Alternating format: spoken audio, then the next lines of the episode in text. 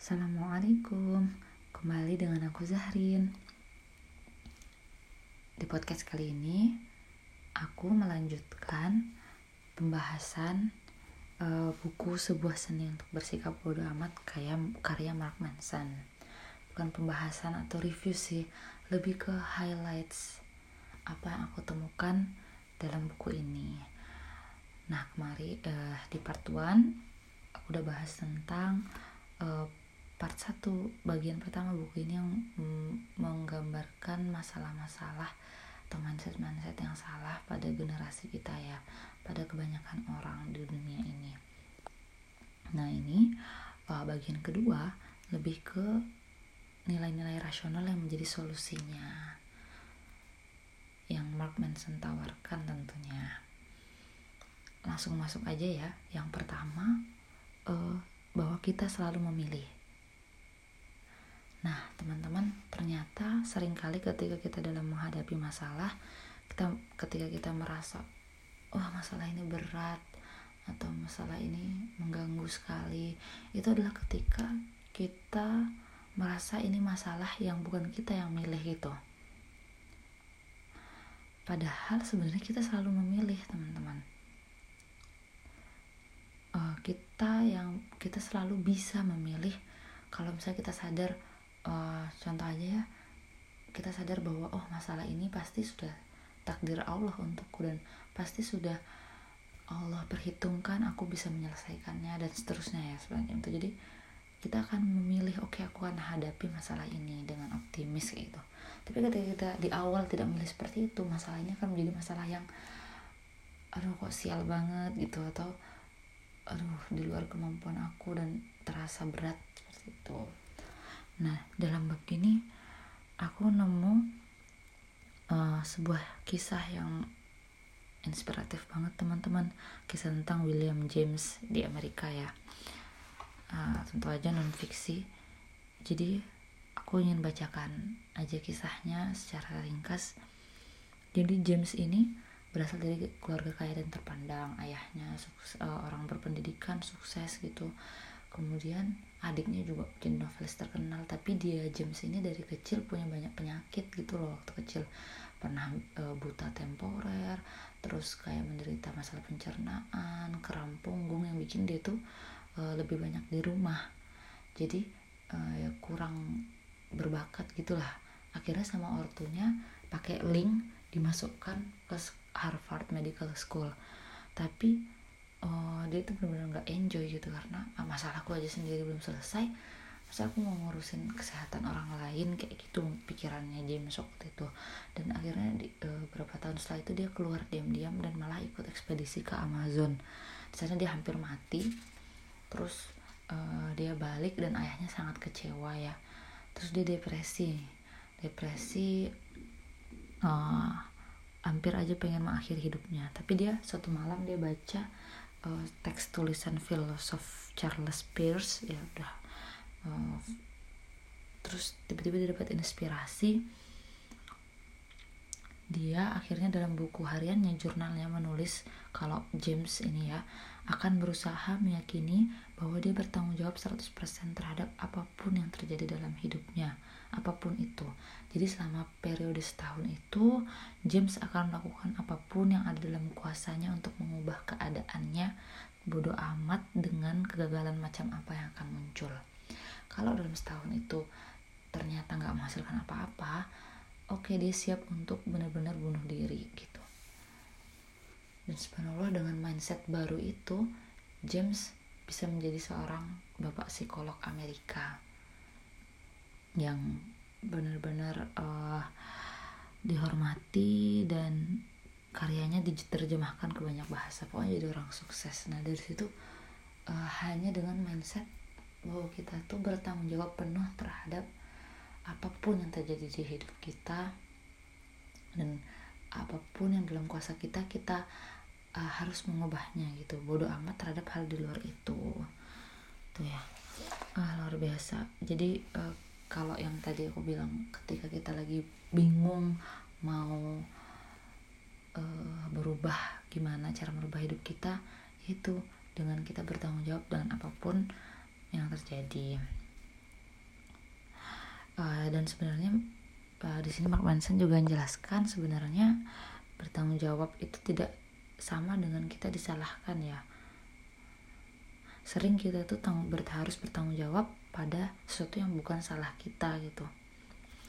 Ya kan? Nah kemudian juga kesalahan itu adanya di masa lampau ya teman-teman. Sedangkan tanggung jawab itu adanya di masa kini atau present. Jadi uh, ya udah kesalahan di masa lampau masa kini kita nggak usah menyalahkan lagi tapi kita bertanggung jawab. Nah yang hebatnya lagi di sini Mark Manson memberikan beberapa kisah dan buat kita bercermin ya kisah sepelenya tentang diputusin pacar terus kisah tragedi Malala Yousafzai sampai sama uh, tentang orang-orang yang secara genetik itu uh, cacat atau OCD gitu ya. Itu kan kalau dia mau menyalahkan ya udah disalahkan terus tuh uh, genetiknya gitu atau tragedinya atau apa. Tapi orang-orang ini di dalam kisah-kisah ini mereka semua akhirnya memilih bertanggung jawab dan melewati masalah itu teman-teman. Oke nah tidak ada bagaimana dalam menyelesaikan masalah ini tapi lakukan ini akan berat meski uh, sederhana ya bertanggung jawab tapi itu pasti akan terasa berat. Karena mengubah nilai yang dianggap penting itu mirip dengan kata hijrah ya teman-teman ketika kita berubah mindset kita hijrah itu pasti tantangannya luar biasa. Tapi yang perlu kita lakukan adalah melangkah gitu. Oke itu tadi bab tentang selalu memilih. Kemudian bab selanjutnya eh, kita tuh lebih baik berpikiran keliru uh, karena sebenarnya tidak kita tuh tidak bisa mendekati kebenaran atau kesempurnaan gitu. Kita hanya bisa keliru atau salah lebih sedikit dari hari kemarin dan bahwa keliru artinya kita bertumbuh ya. Itu kita mengalami kita berjalan semua yang bergerak benda bergerak itu mengalami resistensi ya teman-teman. Oke. Dan karena juga bahkan tentang pengalaman positif atau negatif kita tuh benar-benar tidak tahu faktanya sebenarnya. Ya seperti kalau di Al-Quran mungkin kita tahu yang Allah berapa kali mengulang bahwa boleh jadi sesuatu itu uh, baik meskipun kita rasa itu tuh buruk dan sebaliknya. Oke. Okay. uh, jadi mindset ketika kita selalu bisa keliru ini akan membuat kita lebih rendah hati dan terbuka ya teman-teman. Berikutnya membahas tentang kegagalan yang membuat kita maju. Jadi uh, kisahnya banyak Mark Manson mengatakan takut gagal itu naluriah ya tapi biasanya takut akan gagal ini datang dari pilihan nilai yang buruk maksudnya apa balik tadi ke partuan um, nilai yang buruk adalah ketika kita memilih nilai itu di luar diri kita, di luar kendali kita yang menjadi standar. Kan susah tuh. Tuh. Ya contohnya kata Mark Manson hmm, ketika kita ada seseorang yang menginginkan uh, membuat sem semua orang yang dia temui menyukai dirinya. Itu dia akan 100% gagal karena kesuksesannya atau kesuksesannya ditentukan oleh sikap orang lain gitu bukan penghargaannya atas diri sendiri. Tuh contohnya. Nah sayangnya kadang kita butuh suatu krisis eksistensial untuk memaksa kita melihat lagi bagaimana kita mengumpulkan makna dalam hidup secara objektif. Ya benar banget sih. Uh, mungkin teman-teman yang punya quarter life crisis atau krisis eksistensial aku juga pernah ngerasain itu yang bikin uh, kita malah bisa melihat lagi nilai-nilai apa sih yang sebenarnya selama ini aku pegang itu ya. Jadi sebenarnya maksud dia di sini kegagalan sampai tahap krisis eksistensial itu kadang perlu gitu ternyata perlu untuk membuat kita lebih baik. Terus habis itu dia ngasih sebuah mindset juga uh, eh, VCR question. Jadi untuk generasi uh, orang tua zaman dulu orang tua kita gitu kan lihat kita kok bisa langsung mengoperasikan komputer apa uh, bila bikin melihat kita tuh wah hebat kamu berbakat gitu. Padahal kita tuh ngotak atik aja terus jadi kita paham ya kan? Nah sering kali orang tuh punya pertanyaan yang simple banget sebenarnya. Yang orang lain orang di luar mereka jawabnya ya udah mau keluar keluar aja gitu.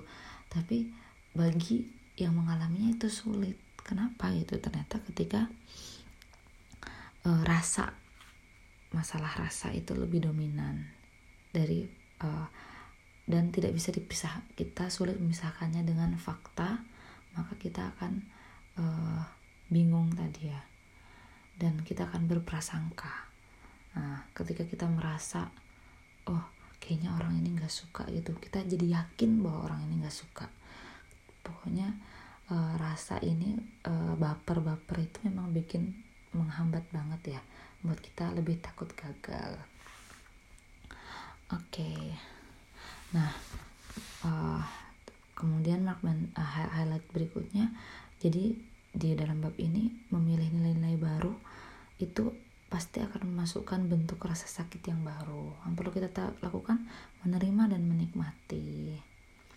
Jangan lupa hidup itu tadi tentang tidak mengetahui apa pun dan kemudian melakukan sesuatu apa pun yang terjadi. Jadi eh, nggak uh, ada ruginya kan sebenarnya uh, ngapain kita takut gagal gitu kan? Kita tidak tahu.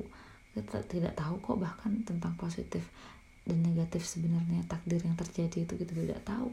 Terus fakta pun antara fakta dan prasangka juga kita sering nggak bisa bedakan. Jadi kenapa kita takut gagal gitu kemudian dia juga memberikan rule tentang banyaknya orang yang e, memilih beraksi itu menunggu beraksi sampai punya taraf motivasi taraf tertentu gitu. Padahal kata dia seperti mengerjakan soal matematika bingung tapi kalau kita coba aja jalan nanti kita akan dapat inspirasi untuk menyelesaikannya. Jadi kata dia daripada uh, motivasi menghasilkan aksi sebenarnya itu suatu lingkaran yang bisa disimpulkan aksi yang menghasilkan inspirasi kemudian inspirasi itu yang menjadi motivasi. Jadi just do something gitu. Oke masuk ke bab selanjutnya yaitu tentang bab pentingnya berkata tidak dan belajar menerima penolakan. Nah, pentingnya jujur teman-teman karena jujur ini yang akan membangun kepercayaan. Dan uh, di sebagian budaya kepercayaan ini sangat mahal. Kepercayaan ini akan yang akan memberi makna gitu. Oke okay. nah kemudian di bab ini ada satu hal penting banget yang dibahas sama Mark Manson yang menjelaskan juga tadi yang tentang mental korban ya. Jadi judul subbabnya itu tentang batasan. Dan di sini untuk pertama kalinya di buku ini Mark Manson bahas tentang uh, hubungan dengan pasangan. For your information, Mark Manson ini dulunya blogger tentang uh, konsultasi uh, hubungan gitu relationship. Jadi sebenarnya dia memang agak pro gitu ya di bidang ini karena udah uh, menerima konsultasi dari banyak orang. Tapi dia baru bahas tentang uh, di tentang batasan ini. Jadi kata dia, Cinta yang sehat adalah syaratnya dua. Seberapa baik masing-masing orang dalam hubungan itu menerima tanggung jawab dan yang kedua kesediaan menolak atau ditolak oleh pasangan. Nah, menerima tanggung jawab masing-masing itu uh, ada orang yang memiliki batasan yang buruk ya, batasan yang buruk tentang uh, masalah yang dihadapinya, sehingga ia punya mental korban atau justru mental penyelamat. Maksudnya gimana? Nah ini kayaknya aku perlu bacakan part itu deh. Ya. Jadi uh, batasan itu adalah uh, dia tahu batasan oh sorry sorry.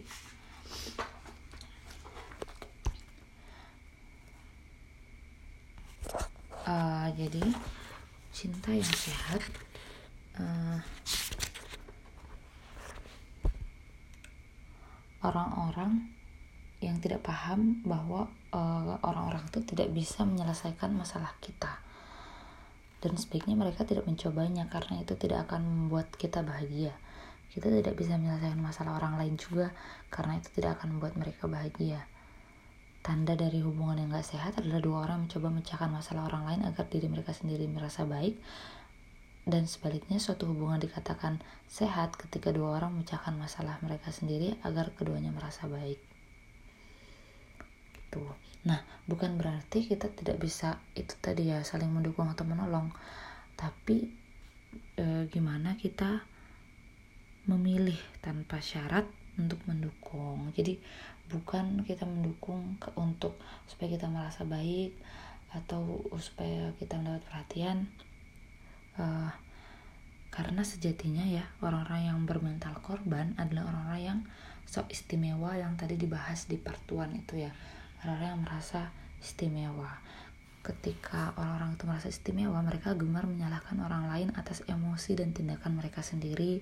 Karena mereka yakin bahwa jika dengan secara konstan menampilkan diri mereka sebagai korban pada akhirnya seseorang akan datang dan menyelamatkan mereka dan mereka akan menerima cinta yang selalu mereka berdambakan orang-orang yang merasa sok istimewa juga uh, di sisi lain gemar menyediakan diri secara sukarela untuk disalahkan atas emosi dan tindakan orang lain karena mereka percaya kalau mereka memperbaiki pasangan mereka dan menyelamatkannya, mereka akan menerima cinta dan apresiasi yang selama ini mereka dambakan.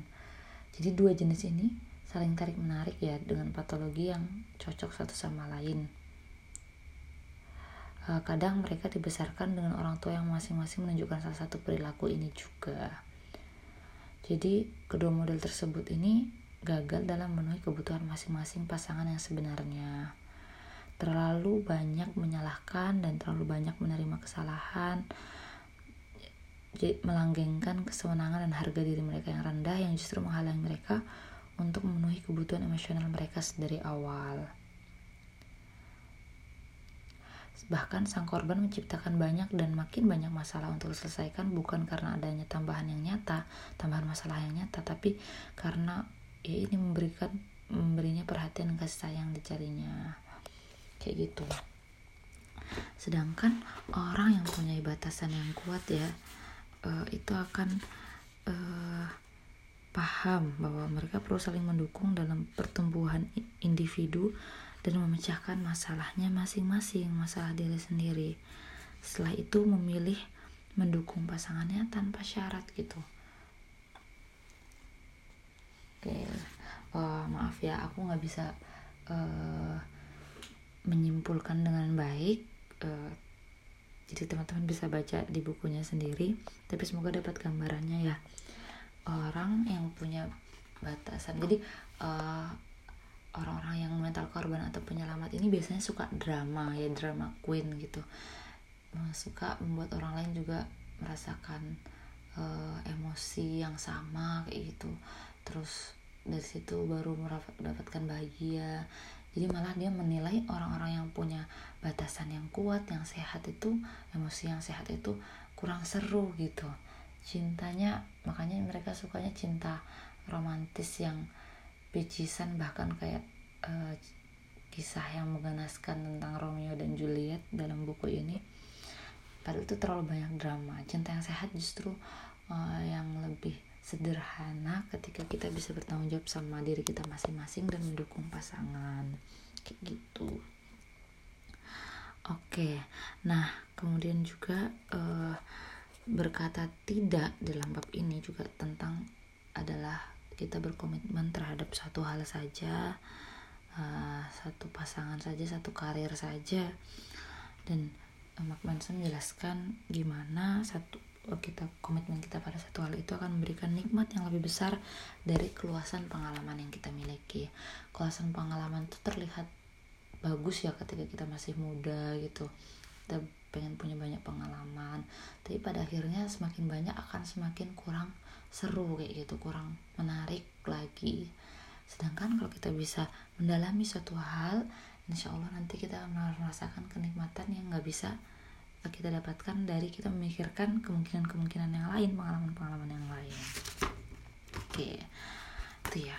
Nah masuk bab terakhir yang tentang kematian. Jadi sebenarnya makanya buku ini islami uh, karena sebenarnya nilai-nilai yang disebutkan oleh Mark Manson ini juga ada dalam uh, Islam. Jadi uh, untuk sungguh-sungguh bodoh amat terhadap sesuatu atau segalanya, seseorang perlu sampai pada tahap spiritual menyadari kefanaan dirinya. Bahwa dia juga akhirnya akan mati, tapi dia menjadi suatu bagian yang besar ya, lebih besar daripada dirinya. Jadi harusnya kita bisa menerima atau bersahabat dengan kematian. Kematian ini juga yang akan bikin kita sadar bahwa pertanyaan apa pengaruh yang kita berikan pada dunia itu adalah pertanyaan yang paling penting dalam hidup. Kematian ini bisa jadi kompas yang menghindarkan kita dari nilai-nilai yang dangkal dan melepas tanggung jawab dan lain-lain gitu ya. Jadi uh, kematian ini membuat kita uh, terarah untuk nilai-nilai yang lebih besar, bermakna dan bertanggung jawab terhadap hidup kita. Bersahabat dengan kematian akan membuat kita merasa tidak ada yang perlu ditakuti dan kita bisa bodoh amat sama hal uh, yang tidak memang tidak perlu kita perjuangkan. Oke. Okay. Hmm, sekian dari highlight dari buku sebuah seni bersikap bodoh amat ini. Itu aja highlight ini benar-benar sebagai gambaran ya. Uh, aku sendiri baca buku ini banyak yang aku kasih sticky notes gitu untuk aku nanti baca ulang sampai ulang. Karena uh, aku merasa aku yang paling perlu mengambil manfaat dari sini. Dan aku merasa ini adalah jawaban Allah dari uh, banyaknya pertanyaan. Bahkan kalau boleh curhat sedikit ini tuh pertanyaan-pertanyaan um, apa yang dijelaskan Mark Manson dalam buku ini mindset mindset ini itu tuh sudah dari zaman SMP SMA aku pertanyakan. Karena aku dari dulu uh, ternyata ya itu sering bermental korban sering uh, cemas kayak gitu. Dan uh, kadang menjadi terlalu peduli sama perkataan orang lain nggak pede dan seterusnya ya. Aku udah berusaha curhat gitu ke orang-orang yang aku percayai tapi belum ada yang bisa menjelaskan uh, atau point out mindset aku yang salah gitu. Mereka misalnya hmm, ya kadang perkataan ya kamu harus bersyukur gitu ya. Kadang ternyata uh, eh, itu bukan datang dari keinginan tidak bersyukur tapi dari rumitnya pikiran kita gitu. Alhamdulillah dengan penjelasan buku ini memberi aku benar-benar banyak mindset yang baru Eh, nilai-nilai uh, baru tapi seperti kata Mark Manson uh,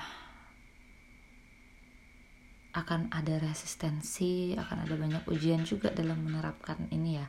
Uh, mohon doanya semoga atau saling doa semoga kita bisa uh, sebagaimana Allah telah memberi kita petunjuk semoga Allah juga memberi kita hidayah dan taufik untuk mengaplikasikan melaksanakan buat uh, merubah diri kita lebih baik dan menutupi kesalahan-kesalahan kita dengan hmm, kebaikan-kebaikan. Bukan untuk menjadi sempurna ya karena nggak ada yang sempurna nggak ada orang yang istimewa uh, pada dasarnya. Tapi semua orang di mata Allah itu sama ya. Tapi uh, gimana kita bisa memperjuangkan sesuatu dan uh, mempersiapkan kematian sehingga Allah ridho pada kita dan uh, sedangkan hasilnya nanti ya sudah Allah tuliskan ya teman-teman. Oke, uh, tidak berpanjang lagi. Terima kasih buat semua yang udah mendengarkan. Assalamualaikum.